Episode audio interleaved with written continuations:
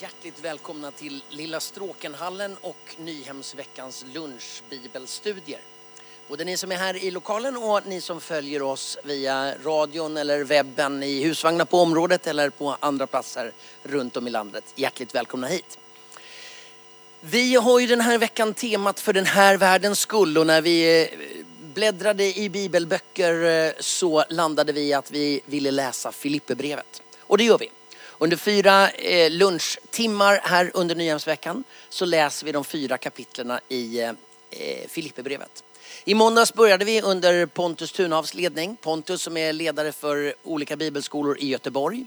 Igår så arbetade vi vidare med kapitel två under Emil Jonssons ledning som är bibellärare på Mariannelunds folkhögskola. Och idag när vi ger oss in i det tredje kapitlet så ska vi ta rygg på Lina Stav Lina Stav är eh, en av ledarna för vår nystartade bibelskola i Umeå, Umeå Bible School.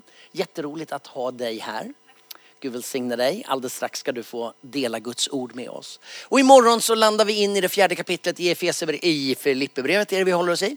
Eh, och då är det Stefan Sigfrids eh, som är en av ledarna för Bibelskola Stockholm.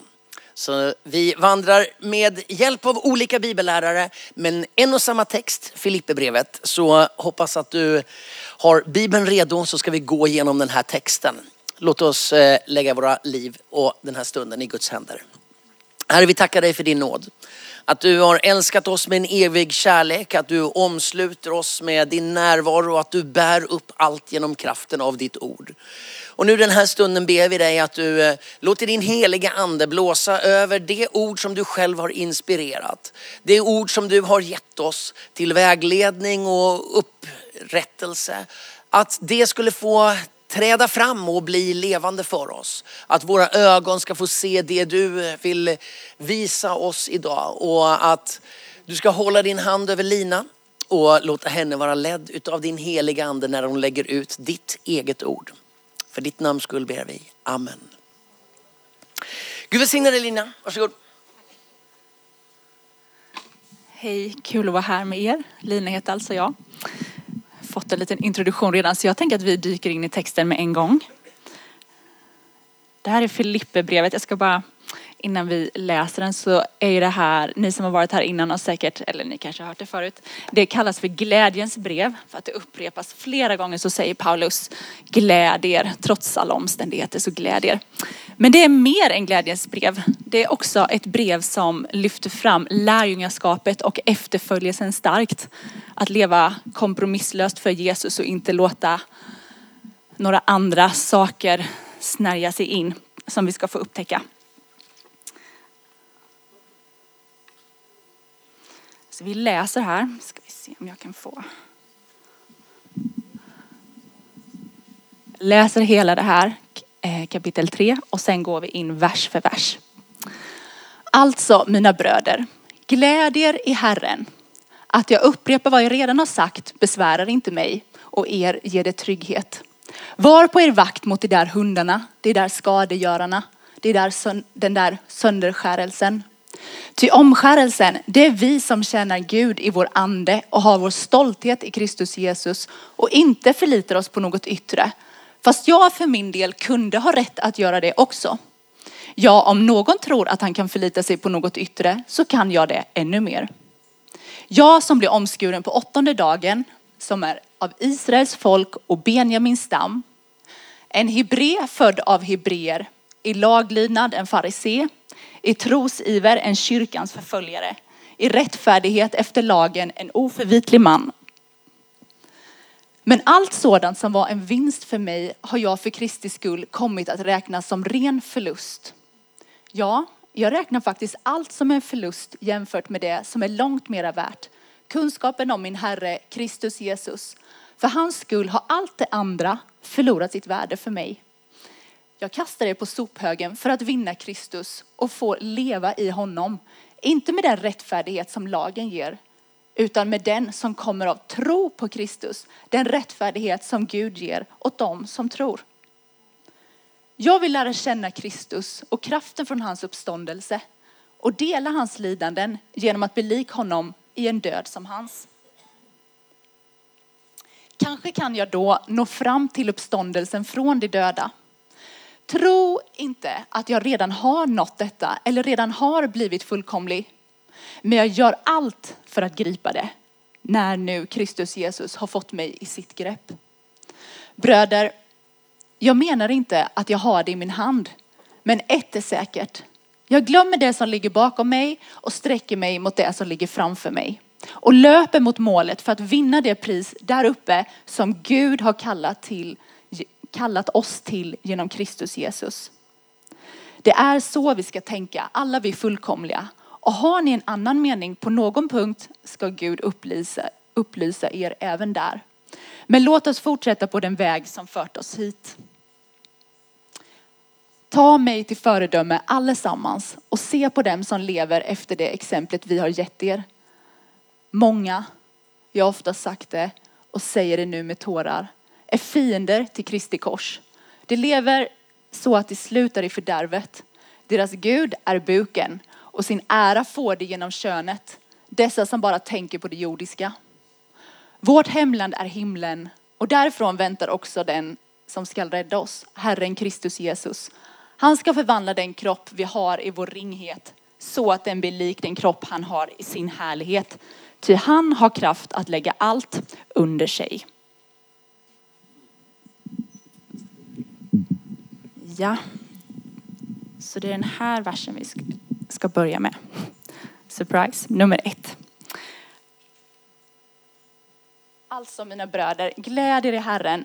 Att jag upprepar vad jag redan har sagt besvärar mig inte och ger er trygghet. Först vill jag bara säga någonting om att han säger bröder. Det här är ett brev som är inramat i vänskaplighet. Han har ett stort hjärta för Filipperna. Ehm, och han kommer till dem som en bror och inte ovanifrån som en mästare. Han talar till dem som mina bröder. Han håller dem varmt. Det finns jättemycket genom hela brevet där man ser att han har en stor kärlek till, till den här församlingen. Och sen så säger han glädjer, som han säger flera gånger i det här brevet. Och jag vet inte alla som var här i, i måndags och tisdags, Eh, för de har säkert redan pratat om det här, men den här församlingen, Filippi, låg i, det var en romersk koloni och eh, kejsaren i Rom eh, hade, gjorde totala anspråk på alla sina undersåtar. Eh, och kejsaren ansåg sig själv som frälsaren och den liksom högsta och bästa och största. Eh, och den här staden praktiserade romerskt, romerska seder och bruk. Så att omvända sig till Kristus och säga att han är frälsaren kan man nog räkna med att då stöter man på ganska mycket motstånd. Så därför så är ett av motstånden missmod och man kanske inte ser så mycket framtidshopp. Man kanske tycker att det är väldigt tungt att bo i den här stan. Och därför så upprepar han flera gånger, gläd er. Och det ni ska glädja er i, det är inget annat än att Jesus, ni tillhör honom nu. Att det finns ett perspektiv där att alltid hämta glädje ifrån. Att Jesus är vår Herre. Det är han som har hand om din själ. Det finns ingen annan som äger dig. Det är Jesus som äger dig. Friden och glädjen och allt gott, det finns i honom och det är nu ditt. Ha det perspektivet.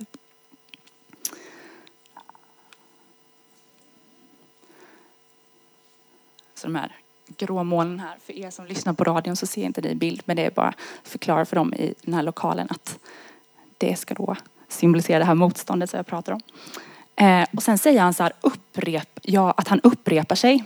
Och det är inte jätterimligt att tro att han ursäktar sig för att han upprepar sig om att de ska glädja sig. För det gör han även i nästa kapitel. Två gånger så säger han glädjer. Och då säger han ingenting om att han ursäktar sig för det. Utan det som man tänker att han ursäktar sig för, det är att han återigen Eh, relatera till saker som han redan har talat om i första hälften av brevet. Och det är att han, han vill ingjuta styrka i dem. Han vill att de ska stå fasta. Så han kommer ta upp saker och ting som, som relaterar till det. Och det kan man se för att Paulus han lyfter fram sig själv återigen i kapitel 3 som en förebild som de ska följa. Det kommer vi till sen. Vi har läst det innan. Eh, och han försöker forma ett Kristuslikt sunt förnuft i dem. Eh, och han uppmanar dem till lydnad, precis som Jesus var lydig eh, Herren, var lydig Gud in till döden. Ta vers 2 och 3 här. Var på er vakt mot de där hundarna, de där skadegörarna, den där sönderskärelsen.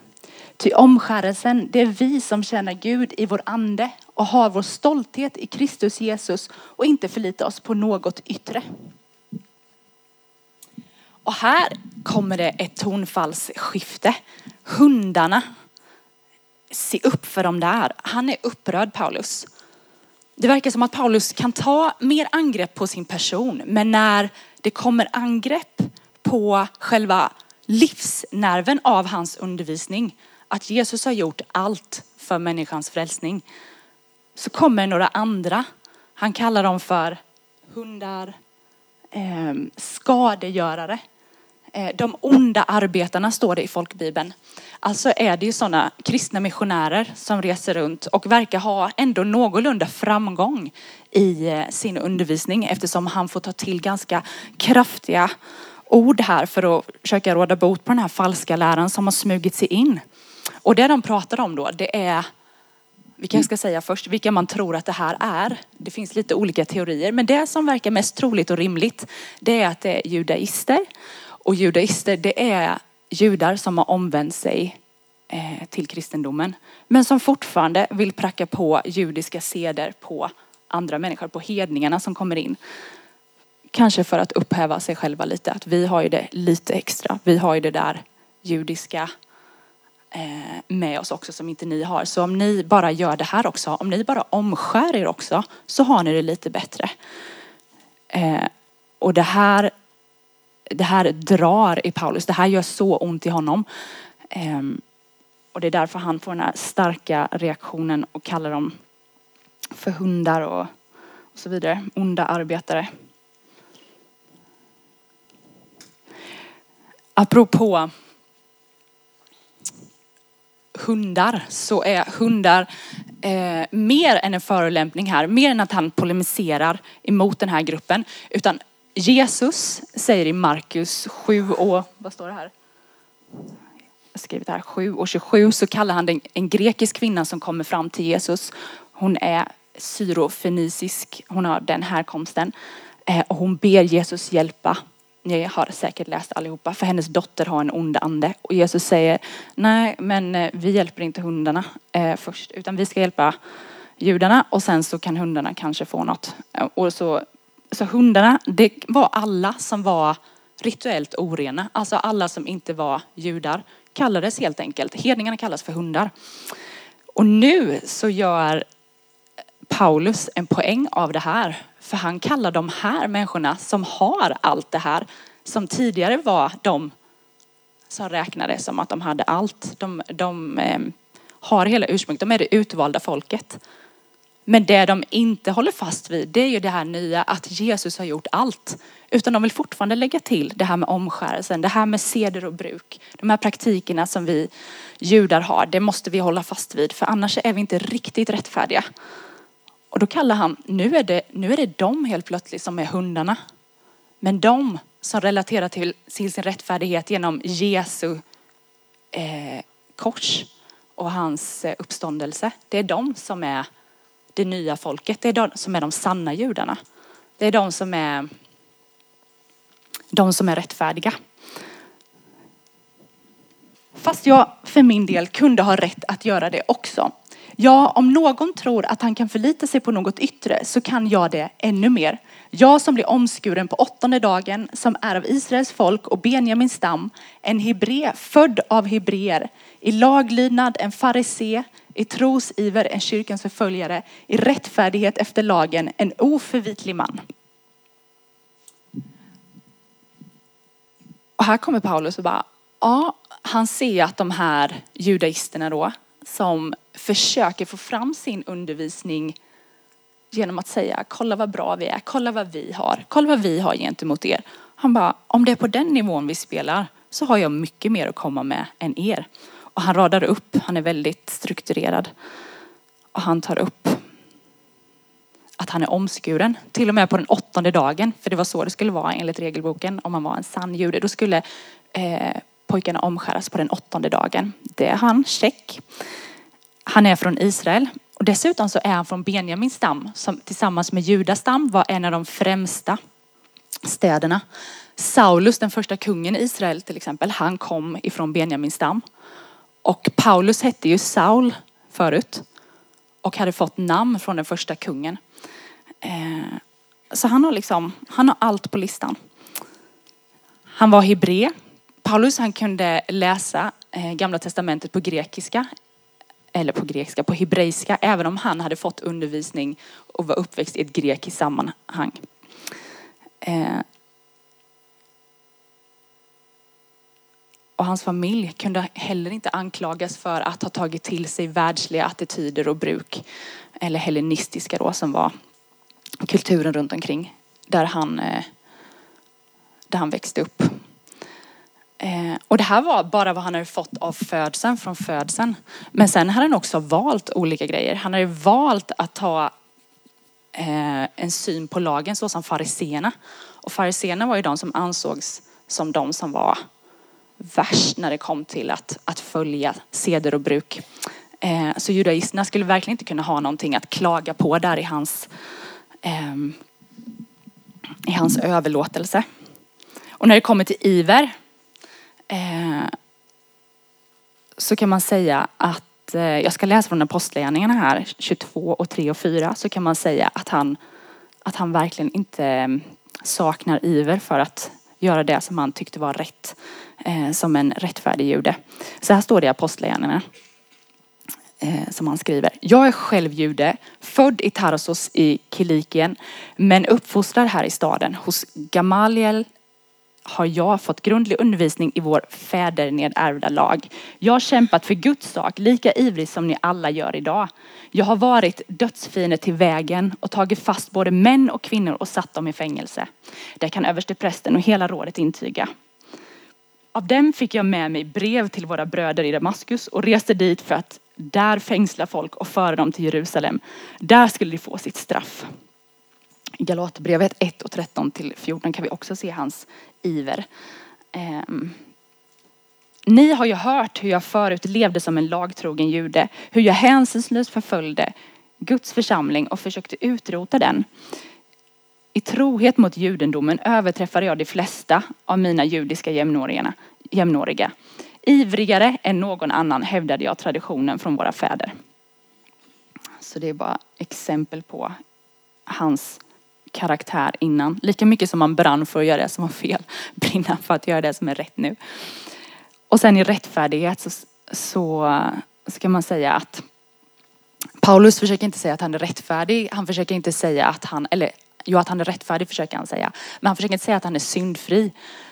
Eh, men han, han gör ändå anspråk på att han lever en klanderfri, att han har en klanderfri livsstil. Och att, det upp, och att fariséerna anser att det går att hålla lagen. Och det gör Paulus också. Och eh, ja, han, han menar på, liksom det står i Lukas 1 och 6, så står det om Johannes döpares föräldrar, Elisabet och Sakarias. Tack. Eh, så står det hur de levde oklanderligt eh, och var oförvitliga och följde alla Herrens bud och föreskrifter. Och samma anspråk gör, gör Paulus att han var. Ehm, mm. Så med detta så vill han bara visa upp sitt eget register. Kolla, om ni tror, om ni argumenterar för eran grej genom att säga att ni är så duktiga. Jag har också allt det där. Men det är ingenting. Det kommer han till nu. Men allt sådant, men allt sådant som var en vinst för mig har jag för Kristi skull kommit att räkna som en ren förlust Ja, jag räknar faktiskt allt som en förlust jämfört med det som är långt mera värt. Kunskapen om en Herre, Kristus Jesus. För hans skull har allt det andra förlorat sitt värde för mig. Jag kastar det på sophögen för att vinna Kristus. Mm. Och tre gånger så upprepar han det här. Verkligen gör det tydligt. Det är en förlust. Hela den här meritlistan, det som jag räknar upp nu ganska noga det som i köttet, i våra egna prestationer. Utan att ljuset av Jesu härlighet har kommit in i vår värld så ser det här så härligt ut. Det ser så bra ut. Man säger tre gånger och i Bibeln när saker och ting upprepas flera gånger då ska man lägga märke till det. För då är det verkligen någonting man vill poängtera. Han säger att det inte är värt någonting. Men han går längre än så. Det är inte bara att det inte är värt någonting. Och han säger att han, eh, det här ordet, jag kan verkligen inte grekiska, men man kan slå upp saker och ting. Och det här ordet skallon, ehm, att kasta, alltså som dynga kan man säga. Han kallar, han kallar hela den här meritlistan, det är dynga. Alltså det är mer än något neutralt, ja det är något som jag bara lägger bort. Utan det är faktiskt någonting som också har gjort honom skada. Därför att all den här egenrättfärdigheten har hindrat honom från att se den rättfärdigheten han behöver från Gud. Så när han har det här och klär sig i det här, det här är hans fina kläder. Kolla på min meritlista. Kolla vad bra jag är. Och så kan han leva så hela sitt liv och bara tycka att han är så bra. Och alla människor bara wow, applåderar och tycker att han är jättebra. För att han ser så ut.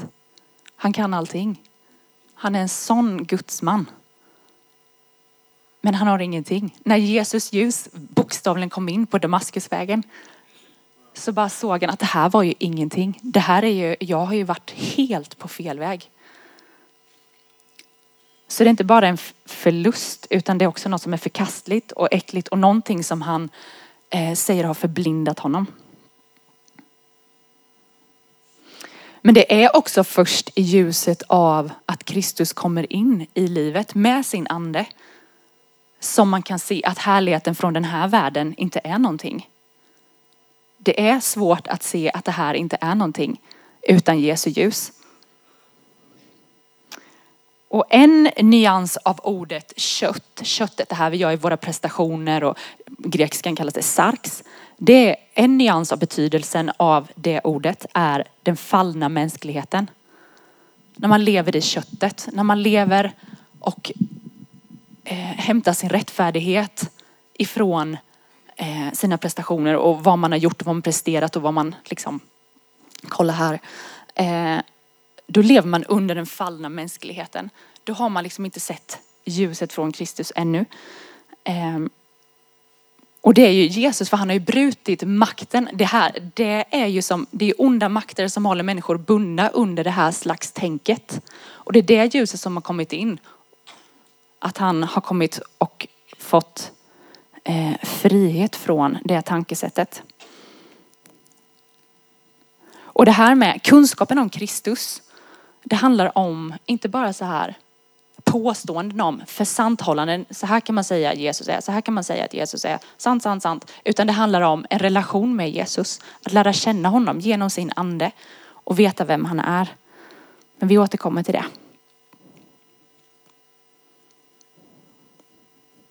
Vi läser 9 till 11. Och få leva i honom, inte med den rättfärdighet som lagen ger, utan med den som kommer av tro på Kristus.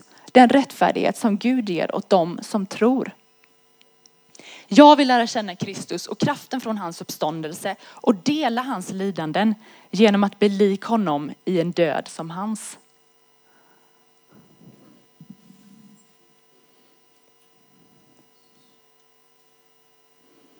Mm. Och då är det lite, vad menar han med att leva i honom? Och då kan man gå tillbaka till vers 3. För ofta i Paulus texter så är det kontraster, det ena gentemot det andra. Står det så här. Att leva i Kristus. I vers 3 står det. Ty omskärelsen, det är vi som tjänar Gud i vår ande och har vår stolthet i Kristus Jesus och inte förlita oss på något yttre. Alltså omskärelsen, den sanna omskärelsen i hjärtat. Att ha en relation med Gud. Anden har kommit in med sitt ljus. Och jag sätter inte min stolthet i någonting annat. Det finns inget annat häftigt och coolt eller någonting annat som jag kan liksom slå mig på bröstet för. Utan det är bara att jag har sett att Gud älskar mig och jag tror att han har en plan för mitt liv och jag vill leva med honom och allt det andra. Vad han än säger till mig att jag ska lägga ner så får jag lägga ner det. Om man är där i sitt hjärta, då har man hittat det. Så det, det är den sanna omskärelsen. Alltså jag har problem med micken. Um, Yes, men i alla fall. Hoppas ni hör mig ändå. Uh, men i alla fall, jag ska, ja, ja det kanske funkar. Nej, okej. Okay. Ja, det är bra så. Thank you. Um, ja, det står alltså i kontrast till egna prestationer. Det är antingen eller. Det är inte så här lite egna prestationer och Jesus här. Jag gör lite av det här. Kolla också lite på det här. För jag kan ju hebreiska och grekiska så bra. Jag kan förklara allting för er. Så jag är lite, lite bättre. Men det är kul att ni också är frälsta. Jag har pratat om mig själv för jag kan ingen grekiska och hebreiska. Men jag bara... För det enda vi ska kunna göra tillsammans det är så här. Hur kan jag hjälpa andra människor att på ett bättre sätt lära känna Jesus? Mitt liv och så som jag utstrålar honom lyfter det människor att lära känna Jesus bättre, då är det bra. Men om jag använder den jag är och det jag har med Jesus till att människor känner sig exkluderade från honom och känner oj, jag har nog inte riktigt det jag ska ha. För jag tror man måste vara lite sådär och lite sådär. Då är det någonting som är lite off. Då är det någonting som jag stoltserar med, som inte hjälper människor, som inte bygger upp människor. Hänger ni med? Man kan inte ha lite av båda. Utan det är antingen eller. Man kan inte stoltsera med saker och ting. Det står att det enda ni kan skryta med det är att ni känner Jesus. That's it. Men i alla fall. Vi ska ta reda på lite här. Vad, vad är det då att leva i honom? Hur definieras det? Vad menas? Eh, ledtråden ett här var jag inne på. Jag flög iväg här lite. Eh, till omskärelsen, det är vi som tjänar Gud i vår ande och har vår stolthet i Kristus Jesus och inte förlitar oss på något yttre. Eh, då är det alltså i kontrast till köttet. Och ledtråd nummer två här, det kan man säga de här två verserna som jag skrivit upp här, 8 och 9, för att vinna Kristus och få leva i honom, de är parallella, 8 och 9 och 10 och 11. Lära känna Kristus och kraften från hans uppståndelse och dela hans lidanden.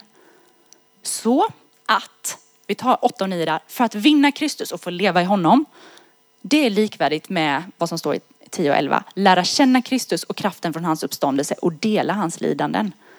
Att vara i Kristus, det är alltså att dela hans lidanden. Vad vi ska vi uppenbarligen inte hänga på ett kors här de flesta av oss. Det tror jag verkligen inte någon ska. Vi ska inte gå in i en, en död som Jesus har gjort. Men det handlar om att lägga ner sitt eget liv och följa honom. Ingen uppståndelsekraft utan död.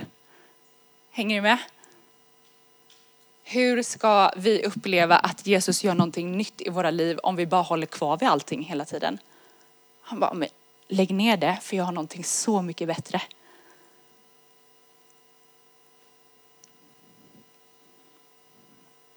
Och det är svårt att se det ibland. Vi har alla olika utmaningar, våra liv är verkligen olika. Men han har lovat att vara med. Och han har lovat att följa oss och stötta oss och fylla oss med sin egen närvaro.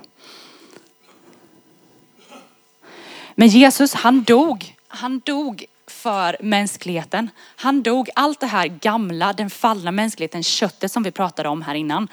Eh, det som representerar våra prestationer och det som vi måste leva upp till. Eh, och det som vi kan klä oss i som ser så bra ut. Det dog Jesus för. Det hänger på korset. För att det nya livet ska uppstå. Och det är det Paulus pratar om. Och då har jag dragit den parallellen till Johannes Eh, 12 och 24 och 25 eh, det här vete, Sannerligen, jag säger om vetekornet inte faller i jorden och dör förblir det ett ensamt korn. Men om det dör ger det rik skörd.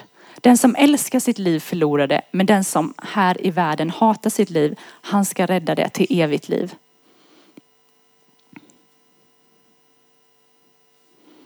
Mm. Så kommer vi till vers 12. Tro inte att jag redan har nått det eller redan har blivit fullkomlig. Men jag gör allt för att gripa det när nu Kristus Jesus har fått mig i sitt grepp.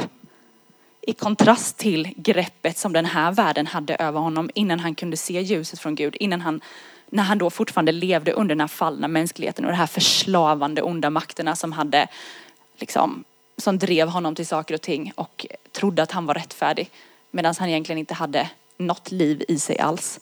Men nu säger han att det är Jesus som har honom i sitt grepp.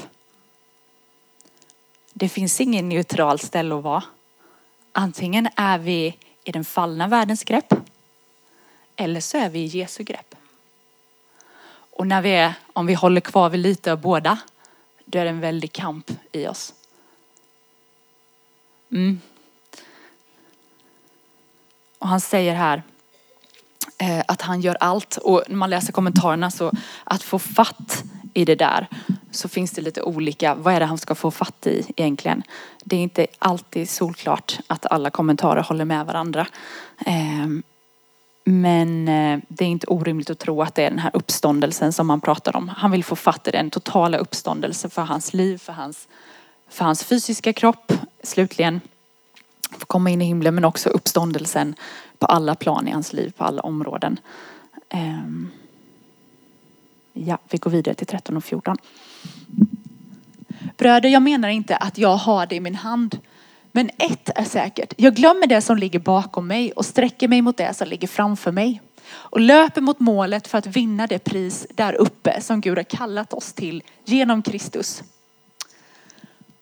Och för han bara tar upp det här glömma. Jag glömmer det som har varit. Återigen så kommer vi så här antingen eller.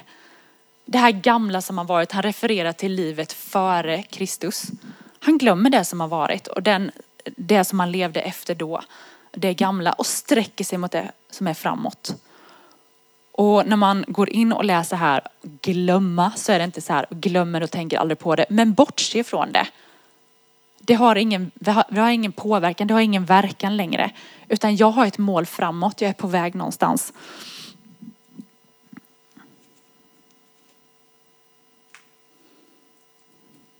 Och så kan det vara lite i våra liv, är det inte så här? När saker och ting kan fungera på ett tag och vi kan ha attityder och vi kan ha sätt och vanor och så här. Så kommer Jesus och så skiner han sitt ljus på det här området och bara så ska vi inte göra längre. Utan nu ändrar vi på det här och helt plötsligt så bara ser man det på ett helt annat sätt. Men sen finns det heller ingen nåd att fortsätta på det gamla sättet. Utan man får glömma det och gå vidare så som Jesus säger att man ska, ska se på det. För han tar ju en bit i taget med oss, eller hur? Men när han väl har skinit sitt ljus och visat så här ska det vara, då kan man inte leva i det gamla längre. Utan då får man släppa det Okej, vi tar eh, 15 och 16 här.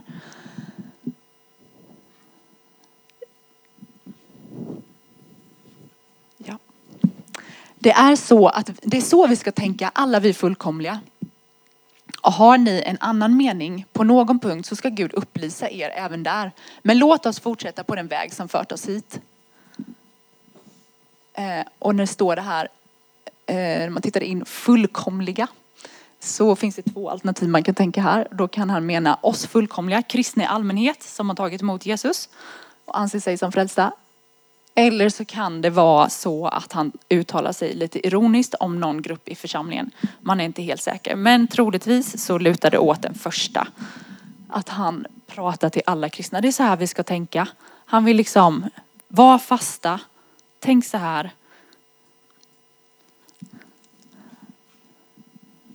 Han vill, han vill att de ska uppföra sig, precis som jag skrivit där. Han vill att de ska leva ett liv som är den sanningen som du har fått till dig. Lev så. Låtsas inte som att du inte vet. Lev så efter den sanningen du har fått till dig. Låt inte massa andra små konstiga ogräs komma in på vägen utan bort med det. Lev så som, som Herren har visat dig.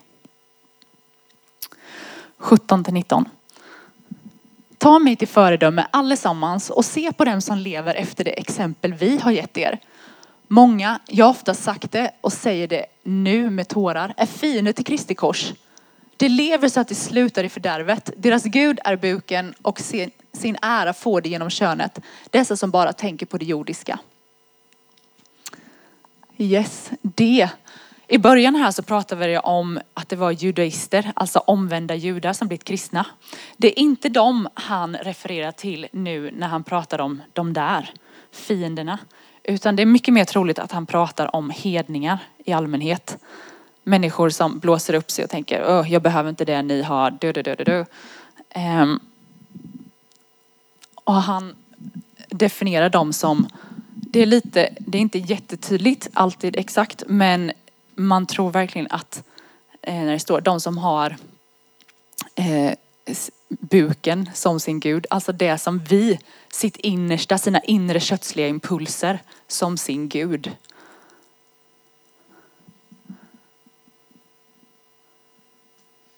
Mm.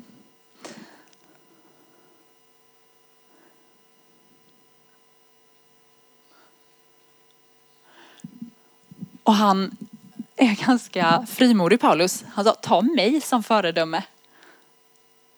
Och då tänker man, lika nitisk som han var att liksom förfölja församlingen, lika åt helt 180 grader åt andra hållet är han nu så att han kan säga, jag är ett föredöme, kolla på mitt, lyssna på vad jag säger, gå och, och lev livet som jag lever livet.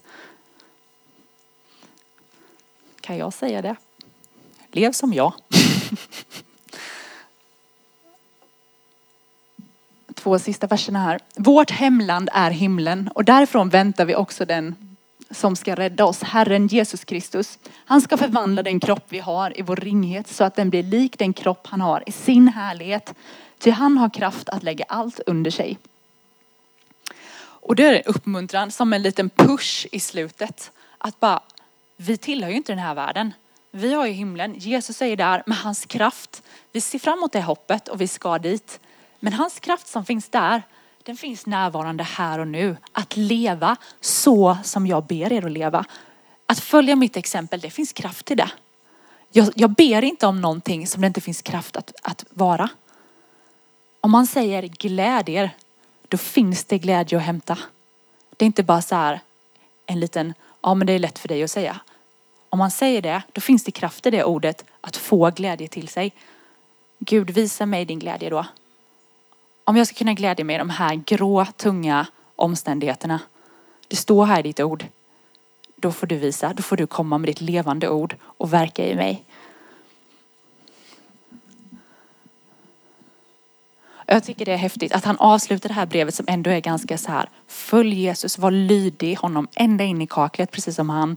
Följ mig, följ mitt exempel. Och så säger han, vi tillhör ju inte den här världen.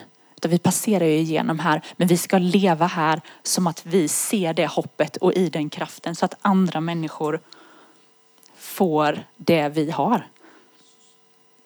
Att leva av en annan värld är hur han avslutar det här. Och det är så jag avslutar det här bibelstudiet. Vi bara ber tillsammans. Herre, tack Gud för att du visar oss, Herre, genom ditt ord, Herre, hur mycket kraft det finns i dig, Herre. Att leva att leva ett liv, Herre, fyllt med din frid, fyllt med din glädje. Vilka omständigheter vi än har omkring oss, Herre, så är din närvaro hos oss. Dina tankar för våra liv är fantastiska. Ditt perspektiv, Herre, förändrar allt. Och Jesus, jag ber för alla som sitter här inne och alla som hör på radion, Herre. Ska bara få känna din närvaro i sina liv, i sina situationer, i sina relationer. Och veta att du vill bara väl. Du har bara goda planer. Tack för att vi får ta till oss ditt ord Herre och stå på det och allt det andra får böja sig inför det. I Jesu namn. Amen.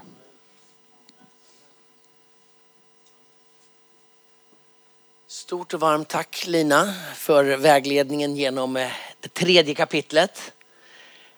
Ska vi landa in det imorgon, läsa det fjärde kapitlet. Då kommer Stefan Sigfrid att vara med oss och vägleda oss genom dem. Jag tänker också när vi landar in det här, eh, det här kapitlet.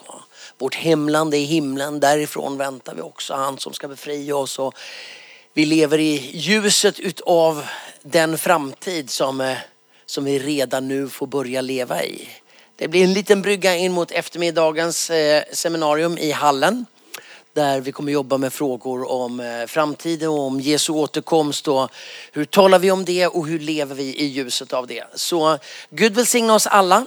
Imorgon möts vi till fortsatta bibelstudier där vi läser fjärde kapitlet och i eftermiddag så ses vi i hallen och så fortsätter eh, sakerna här på Nyhemsområdet. Tack ska ni ha. Gud välsigne er.